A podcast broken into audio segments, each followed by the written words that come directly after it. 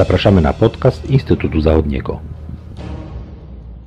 Dzień dobry, z tej strony Agata Kałabunowska. Witam Państwa w kolejnym odcinku podcastów Instytutu Zachodniego. E, dzisiaj razem z panią profesor Jadwigą Kiwerską, kierownikiem zespołu Niemcy, Europa, Świat w Instytucie Zachodnim, porozmawiamy na temat ucieczek e, z obszaru NRD. W naszej dyskusji będziemy nawiązywać do publikacji przez Budapeszt, Pragę i Warszawę na zachód ucieczki Niemców z NRD w 1989 roku, której autorką jest właśnie pani profesor. E, publikacja ta została przygotowana w Instytucie Zachodnim na zlecenie Ministerstwa Spraw e, Zagranicznych. I jeszcze dodam, że dla osób, które wytrwają z nami do końca tego e, odcinka, będziemy także miały małą niespodziankę związaną z tą publikacją. Pani profesor, w tej konkretnej książce pochyliła się Pani nad tematem ucieczek Niemców z NRD, e, konkretnie w roku 1989. Zastanawiam się, czy to e, zjawisko e, ucieczek z państwa komunistycznego było już tam spotykane wcześniej, czy i um, dlaczego taka intensyfikacja tego zjawiska nastąpiła właśnie w tym roku? Co się takiego zmieniło w sytuacji politycznej NRD, że to w 1989 roku zaczęło być możliwe. Dzień dobry Państwu. Rzeczywiście ten 89 rok był wyjątkowy mm, e, z różnych względów, ale y, dla kwestii ucieczek obywateli NRD z państwa Erisia Honeckera e, to rzeczywiście był moment wyjątkowy. Wcześniej były próby ucieczek, ale Mm, jak pewno Państwo wiecie, po zbudowaniu muru berlińskiego było to bardzo trudne, tym bardziej, że nawet sąsiednie państwa komunistyczne Y, kiedy próbowano uciekać poprzez na przykład placówki mm, dyplomatyczne w stolicach państw tak zwanej y, ludowej demokracji y, na podstawie specjalnych porozumień podpisanych z NRD władze polskie, czechosłowackie czy władze Węgier, Rumunii miały obowiązek takich desperatów, jeśli się udało ich złapać y, na próbie takiego nielegalnego y, przekraczania granic i próby ucieczki na zachód odstawiać do NRD. Więc to było rzeczywiście trudne i y, z terenu samej NRD i z obszaru Europy Środkowo-Wschodniej. A 89 rok, dlatego wtedy nastąpiło takie natężenie ucieczek, ponieważ e, ten nasz region e, ogarnięty już był swego rodzaju wrzeniem rewolucyjnym. To już czas, kiedy najpierw nowy przywódca Związku Radzieckiego, Michał Gorbaczow, rozpoczął próby reformowania ustroju komunistycznego, wprowadzając ze słynną pierystrojkę i głasność to oznaczało takie bardziej otwarcie na Zachód, ale też wewnętrzne reformy liberalizujące życie polityczne w Związku Radzieckim. I podobne reformy y, pojawiły się w niektórych państwach Europy Środkowo-Wschodniej, przede wszystkim w Polsce, która, jak wiemy, ze względu na powstanie Solidarności w 1980 roku była pionierem tych y, przemian prowadzących do ustroju demokratycznego i gospodarki wolnorynkowej. I takie reformy y, były w Polsce. Jak pamiętamy, początek 1989 roku to są obrady okrągłego stołu. Opozycja zasiadła do rozmów z reżimem komunistycznym. E, podobne reformy były na Węgrzech. I taki moment, myślę, przełomowy to jest maj 1989 roku, kiedy e, Węgrzy e, zlikwidowali zasieki i druty kolczaste na granicy węgiersko-austriackiej po raz pierwszy w państwach Europy Środkowo-Wschodniej e, otwarto drzwi na zachód. I e, wprawdzie dla Węgrów to nie było takie wielkie wydarzenie, bo oni mieli ułatwiony ułatwione kontakty z Austrią na podstawie takiej zwyczajowej pieczątki. Natomiast dla obywateli NRD, którzy tradycyjnie swoje wakacje, nie mogąc wyjeżdżać na zachód, swoje wakacje najczęściej spędzali właśnie na Węgrzech, nad Balatonem albo y, gorących źródeł Hajduszowo-Szlo. To była ogromna pokusa, żeby tę zniesienie tych zasięg, zasięg wykorzystać i uciekać poprzez Austrię do Republiki Federalnej Niemiec. I Węgry stały się takim pierwszym miejscem, pierwszą trasą, e, bramą na zachód, poprzez którą e, dziesiątki, setki, potem tysiące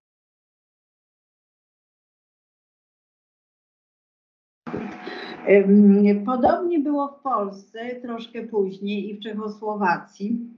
Wprawdzie Czechosłowacja, reżim komunistyczny twardo stał na stanowisku, że żadnych zmian nie będzie, więc tutaj ta droga była na pewno trudniejsza, ale w Polsce e, w pewnym momencie również e, pojawili się uciekinierzy, którzy mm, próbowali przedostać się i docierali do ambasady Y, Republiki Federalnej Niemiec w Warszawie i poprzez tę ambasadę próbowano przedostać się na zachód. Więc ten 89 rok dlatego był taki wyjątkowy, ponieważ w krajach tak zwanej demokracji ludowej rozpoczęły się liberalizujące życie reformy i to była szansa. Natomiast, i to już jest ostatnia moja uwaga, natomiast w NRD nic się nie działo mimo że w Związku Radzieckim Gorbaczow realizował e, te reformy otwierające kraj i, próbę właśnie zmiany tego ustroju komunistycznego, w państwie Honeckera nic się nie działo. Wprost przeciwnie, mówiono, że jeśli nasz sąsiad zmienia tapety, to wcale nie znaczy, że my też musimy robić remont domu. Więc po staremu. My niczego nie musimy reformować, bo żyjemy w państwie rzeczywiście e, na tle innych państw Europy Środkowo-Wschodniej w NRD zawsze żyło się trochę lepiej. No bo to była taka wizytówka na zachód, a poza tym no, NRD korzystało z pomocy Republiki Federalnej Niemiec, która swoich kuzynów na wschodzie wspierała finansowo. Więc to jest takie bardzo krótkie y, wyjaśnienie, dlaczego ten 89 rok, lato i jesień 89 roku, dlaczego było takie spektakularne, jeśli chodzi o te masowe ucieczki obywateli NRD. Rozumiem. A mm, o jakiej w ogóle skali tego zjawiska mówimy? Czy to były dziesiątki, czy setki tysięcy E, osób, które podejmowały takie próby ucieczki. I jeszcze przy okazji tych danych liczbowych myślę, że warto by troszkę porozmawiać na temat e, źródeł, z jakich Pani korzystała e, podczas przygotowywania książki na ten temat. Dane są, można powiedzieć, że dość precyzyjne. Choć oczywiście w takich sytuacjach nie jest to mm, do trzeciego miejsca za przecinkiem. Oblicza się, że około 100, 120 tysięcy Niemców z NRD w tym okresie y, przedostało się do Republiki Federalnej Niemiec.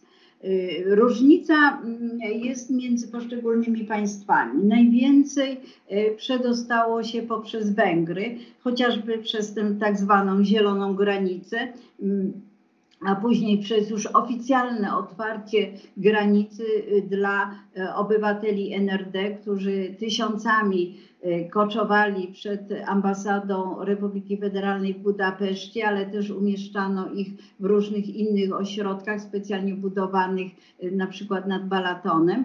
Mm, więc y, oni mieli tutaj najłatwiejszą drogę i najwięcej ich poprzez tę granicę uciekło. Mm, z Polski oblicza się, że poprzez ambasadę na Saskiej Kępie do Republiki Federalnej Niemiec wyjechało około Y, około 6 tysięcy obywateli NRD. Mm, w, więc najwięcej na Węgrzech to były, to były dziesiątki tysięcy, szczególnie w tym pierwszym okresie y, y, granice dla obywateli NRD otwarto na Węgrzech 11 września w nocy, z, z, właściwie w nocy z 11 na 12 września o godzinie 12 dziesiątki, setki i tysiące, około 20 tysięcy, potem to wzrosło do 30 tysięcy, przejeżdżało przez granicę, już właściwie nawet dla nich nieistniejącą granicę węgiersko-austriacką. Jeśli chodzi o materiały, z których korzystałam, to Y, może y, ja jestem w tym wieku, że doskonale pamiętam ten czas, więc moje własne doświadczenie, moje wspomnienia, y, proszę Państwa, mm, wtedy kursowały różne dowcipy, że wszyscy z NRD uciekną, ostatni Honecker zgasi światło. Mm, było tego mnóstwo artykułów, ale w nie, tylko w zasadzie w Gazecie Wyborczej. Gazeta Wyborcza była wtedy organem, mówiąc nomenklaturą komunistyczną, Solidarności, była gazetą opozycyjną wobec jeszcze istniejącego reżimu komunistycznego, a potem wspierająca rząd Mazowieckiego i bardzo dużo artykułów y, było w Gazecie Wyborczej, y, początkowo jeszcze poddanej cenzurze, ale, ale najbardziej otwartej, najbardziej sprzyjającej tym, co się działo z obywatelami NRD, tymi desperatami, którzy próbowali przedostać się do Republiki Federalnej Niemiec. Rzeczywiście Gazeta Wyborcza była tutaj bardzo bogatym źródłem informacji. Y, bardzo wiele ciekawego materiału, najbardziej cennego dla e, historyka znalazłam w prywatnym archiwum Krzysztofa Skubiszewskiego. Zbiory tego archiwum znajdują się w Instytucie Zachodnim, zostały przez rodzinę profesora Skubiszewskiego przekazane Instytutowi Zachodniemu, podobnie jak wiele jego osobistych pamiątek, ale ta dokumentacja Y, zapiski profesora, y, różne raporty, informacje, które docierały na jego biurko. Y, to wszystko znalazło się w Instytucie Zachodnim. No i ten zbiór dotyczący w ogóle problemu obywateli NRD, bo jest specjalna teczka temu poświęcona, jest bardzo cenny. Ja z tego korzystałam. Korzystałam również z literatury przedmiotu dotyczącej uwarunkowań sytuacji 89 roku, tego co się działo w, w NRD. Mm, no i mm, różne, różne materiały, które, które można by było wykorzystać mm, z literatury. Ale y, takim podstawowym materiałem to były dokumenty, biografie, wspomnienia ówczesnych y, polityków, czy Genschera, czy Kola oraz y, artykuły w prasie. I to nie tylko Gazeta Wyborcza, tak, także Tygodnik y, Powszechny na ten temat bardzo ciekawe artykuły publikował. Także materiały były, no i były to, co, co też moje, moje osobiste wspomnienia. Rozumiem. E, publikacja ta dotyczy ucieczek przez e, trzy kraje, Węgry, Czechy i Polskę. Stolice tych krajów e, znajdują się też w tytule publikacji. Mm, czy, mm, czy coś konkretnego wpływało na obranie którejś z tych trzech możliwych dróg dotarcia na zachód? E, w jaki sposób e, ucieczki przez te trzy kraje od siebie e, się różniły? Już wiemy o otwartej granicy z Austrią, ale czy było jeszcze coś, co mogło wpłynąć na decyzję takiego desperata, jakich Pani określiła, żeby właśnie podjąć ucieczkę konkretną drogą? Przede wszystkim to powtórzę. Pierwszym takim przystankiem były Węgry i ambasada niemiecka Republiki Federalnej Niemiec w Budapeszcie i przede wszystkim Węgry, bo ci desperaci, co jest ciekawe, proszę Państwa, to nie byli pojedynczy ludzie. Najczęściej to były całe rodziny, nieraz trzypokoleniowe, bo i babcia, i, i mm, e, dzieci i wnuki. Także to była rzeczywiście decyzja desperacka, ponieważ decydująca o, o dalszym życiu.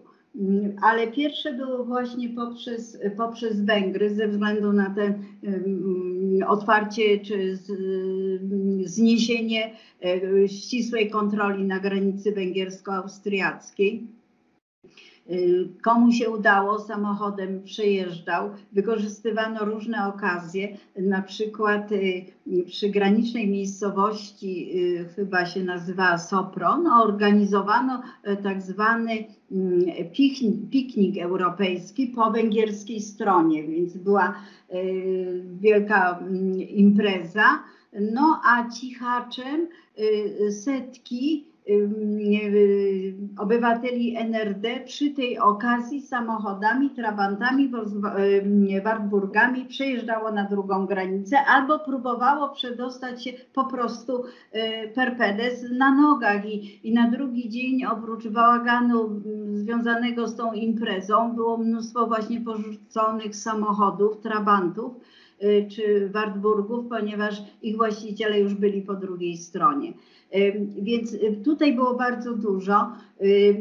Stosunek władz węgierskich, i to jest podobny stosunek, jaki był po stronie Pol w Polsce, w Warszawie, mówię w Warszawie rząd Mazowieckiego z ministrami wywodzącymi się ze strony opozycyjnej Solidarności. Na Węgrzech, mimo że nadal była to władza wywodząca się z partii komunistycznej, ale już bardzo silnie działająca na rzecz reform, liberalizująca system węgierski. I oni również y, sprzyjali uciekinierom, ale problem polegał na tym, że nikt nie chciał narażać się też władzy w Berlinie Wschodnim, reżimowi Honeckera, który Y, był tutaj bardzo rygorystyczny, nie chciał pójść na żadne ustępstwa, żeby y, tych obywateli NRD legalnie pozwolić im na legalne opuszczenie Y, Węgier. y, i wyjazd do Republiki Federalnej Niemiec. Y, czynił to na mocy, ja o tym wspominałam, na mocy porozumień, które władze NRD w latach, na przełomie lat 60., 70.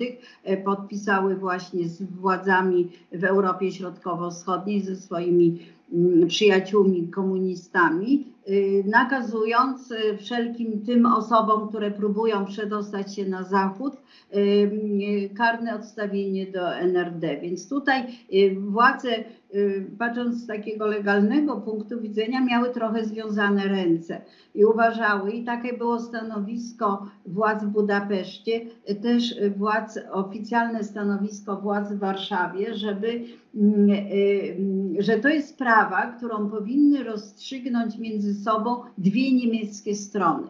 To jest sprawa między Republiką Federalną Niemiec a NRD, żeby NRD wyraziła zgodę na przejazd tych osób do Republiki Federalnej Niemiec. I y, proszę Państwa, to się stało w przypadku Węgier właśnie tego y, w pierwszej połowie września 1989 roku, 10 września oficjalnie węgierski minister spraw zagranicznych poinformował, że te dziesiątki tysięcy obywateli NRD koczujących w ogrodach ambasady, czy przebywających w tych specjalnych obozach, czy ośrodkach zorganizowanych dla nich nad Balatonem, będą mogli swobodnie, będą mogły swobodnie przejechać przez granicę e, do Austrii. Tam po stronie austriackiej czekały na nich specjalnie podstawione autobusy przygotowane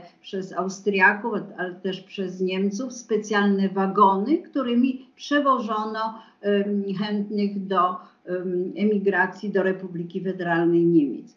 Ponadto po stronie austriackiej w, na stacjach benzynowych przygotowano mm, specjalne paliwo dla tych dwusuwowych trabantów Wartburgów, żeby mogły się zaopatrzyć można było zatankować i ci, którzy przyjeżdżali własnymi środkami lokomocji, swoimi wspaniałymi tak zwanymi mydelniczkami, bo tak mówiliśmy na trabanty, żeby mogły tam po drugiej stronie zatankować.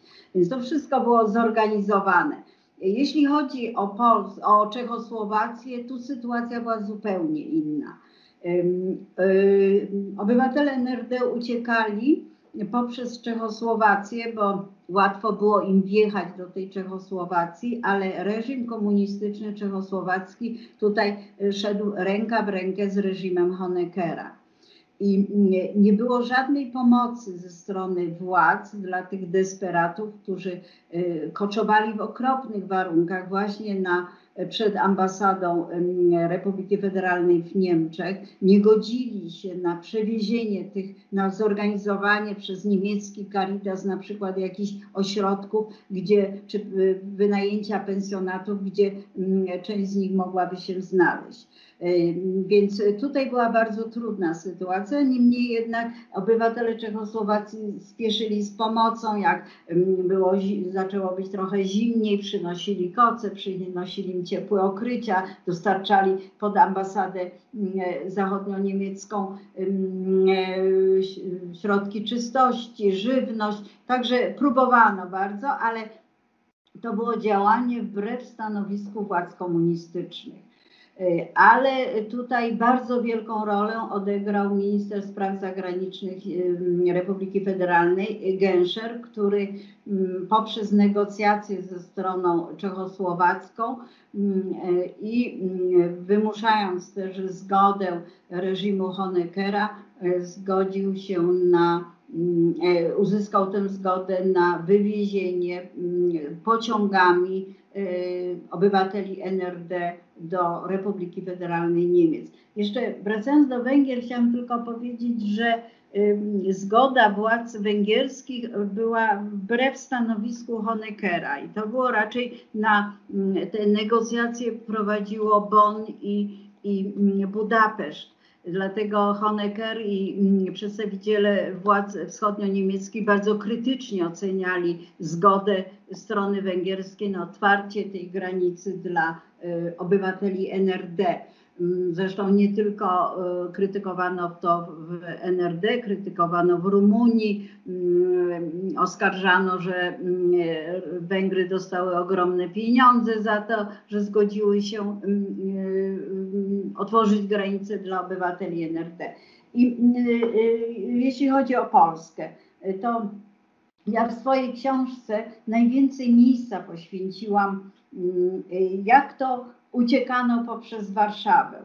E, starając się e, koncentrować na pomocy ze strony polskiej, pomocy e, władz polskich, różnych instytucji, organizacji, Kościoła katolickiego i zwykłych obywateli, mieszkańców, przede wszystkim warszawiaków, nawet mieszkańców Saskiej Kępy, bo to jest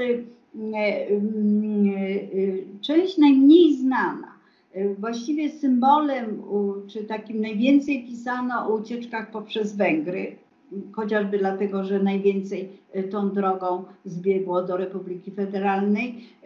Symbolicznym, e, takim, taką symboliczną sceną tych ucieczek jest e, obraz Genschera na balkonie ambasady zachodnio-niemieckiej w Pradze 30 września, kiedy on ogłosił, że obywatele NRD już za kilka godzin uzyskano zgodę władz czechosłowackich i za kilka godzin y, będą przyjeżdżać do Republiki Federalnej Niemiec. Ja pamiętam obraz tego Genschera stojącego na, na balkonie i y, informującego y, obywateli NRD, Niemców, że znajdą się w Republice Federalnej.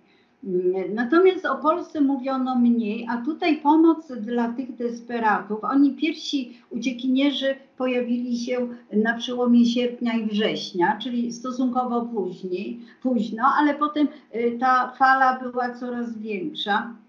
Tak jak powiedziałam, około 6 tysięcy poprzez ambasadę polską y, przyjechało. Y, y, rząd Tadeusza Mazowieckiego, w którym znajdowali się jednak ministrowie wywodzący się z mm, reżimu komunistycznego, bo przecież ministrem spraw wewnętrznych był Czesław Kiszczak, to był mm, element tej umowy zawartej mm, między stroną solidarnościową a władzą komunistyczną, która umożliwiła utworzenie rządu mazowieckiego. Ale ministrem spraw zagranicznych był profesor Krzysztof Skubiszewski, dla nas tutaj w Poznaniu bardzo ważny, bo to był minister wywodzący się z Poznania, zresztą przez krótki czas pracujący w Instytucie Zachodnim. Kiedy on 13 września mm, e, znalazł się e, w ministerstwie, to jednym z pierwszych dokumentów, jaki mm, e, przyniesiono mu na biurko, to był raport na temat Niemców z NRD przebywających w ambasadzie. I on właściwie od początku starał się rozwiązać ten wielki problem, jak nie, nie pogarszać stosunków z reżimem Honeckera, a równocześnie Solidarność, wywodzili, to był rząd wodzący się Solidarności, zobowiązywał do pomocy tym desperatom.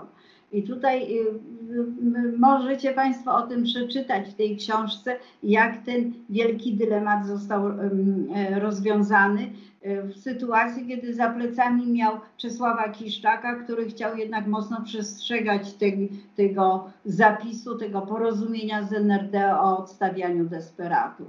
No i postawa społeczeństwa, mieszkańców Warszawy głównie, ale różnych organizacji. Rzeczywiście ogromną pomoc udzielił Kościół katolicki.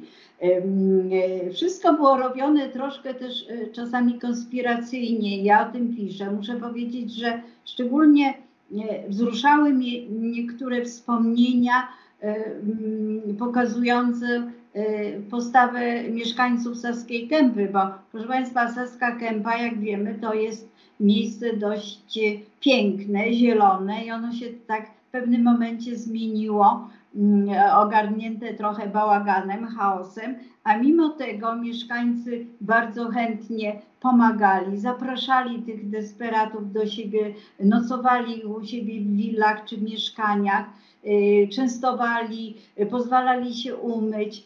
Także y, to były takie bardzo ludzkie i miłe gesty, o których wielu z tych e, Niemców, którym udało się poprzez warszawską bramę wolności przedostać na zachód, e, później pamiętało i w swoich wspomnieniach o tym mówili.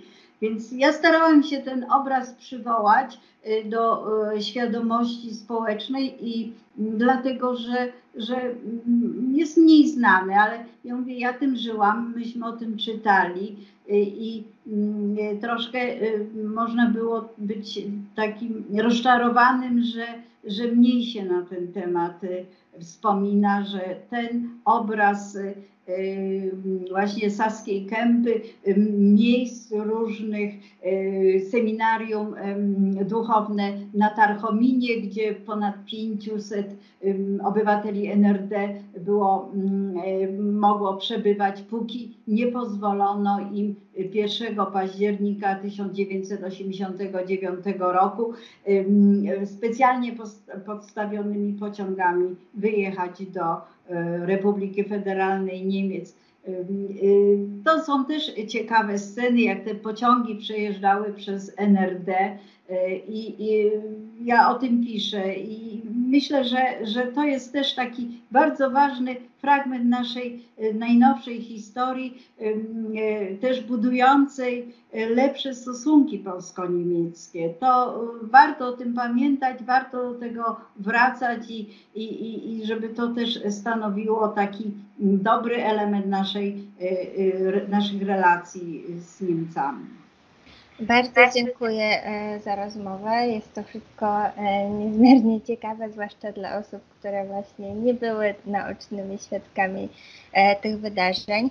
Bardzo dziękujemy też Państwu za uwagę i zgodnie z zapowiedzią z początku tego odcinka pragnę przekazać, że mamy e, niespodziankę. Pierwszych 10 osób, które po odsłuchaniu tego odcinka podcastu skontaktuje się z Instytutem drogą mailową, otrzyma książkę przez Budapeszt, Pragę i Warszawę na zachód ucieczki Niemców z NRD w 1989 roku, o której właśnie e, rozmawiałyśmy.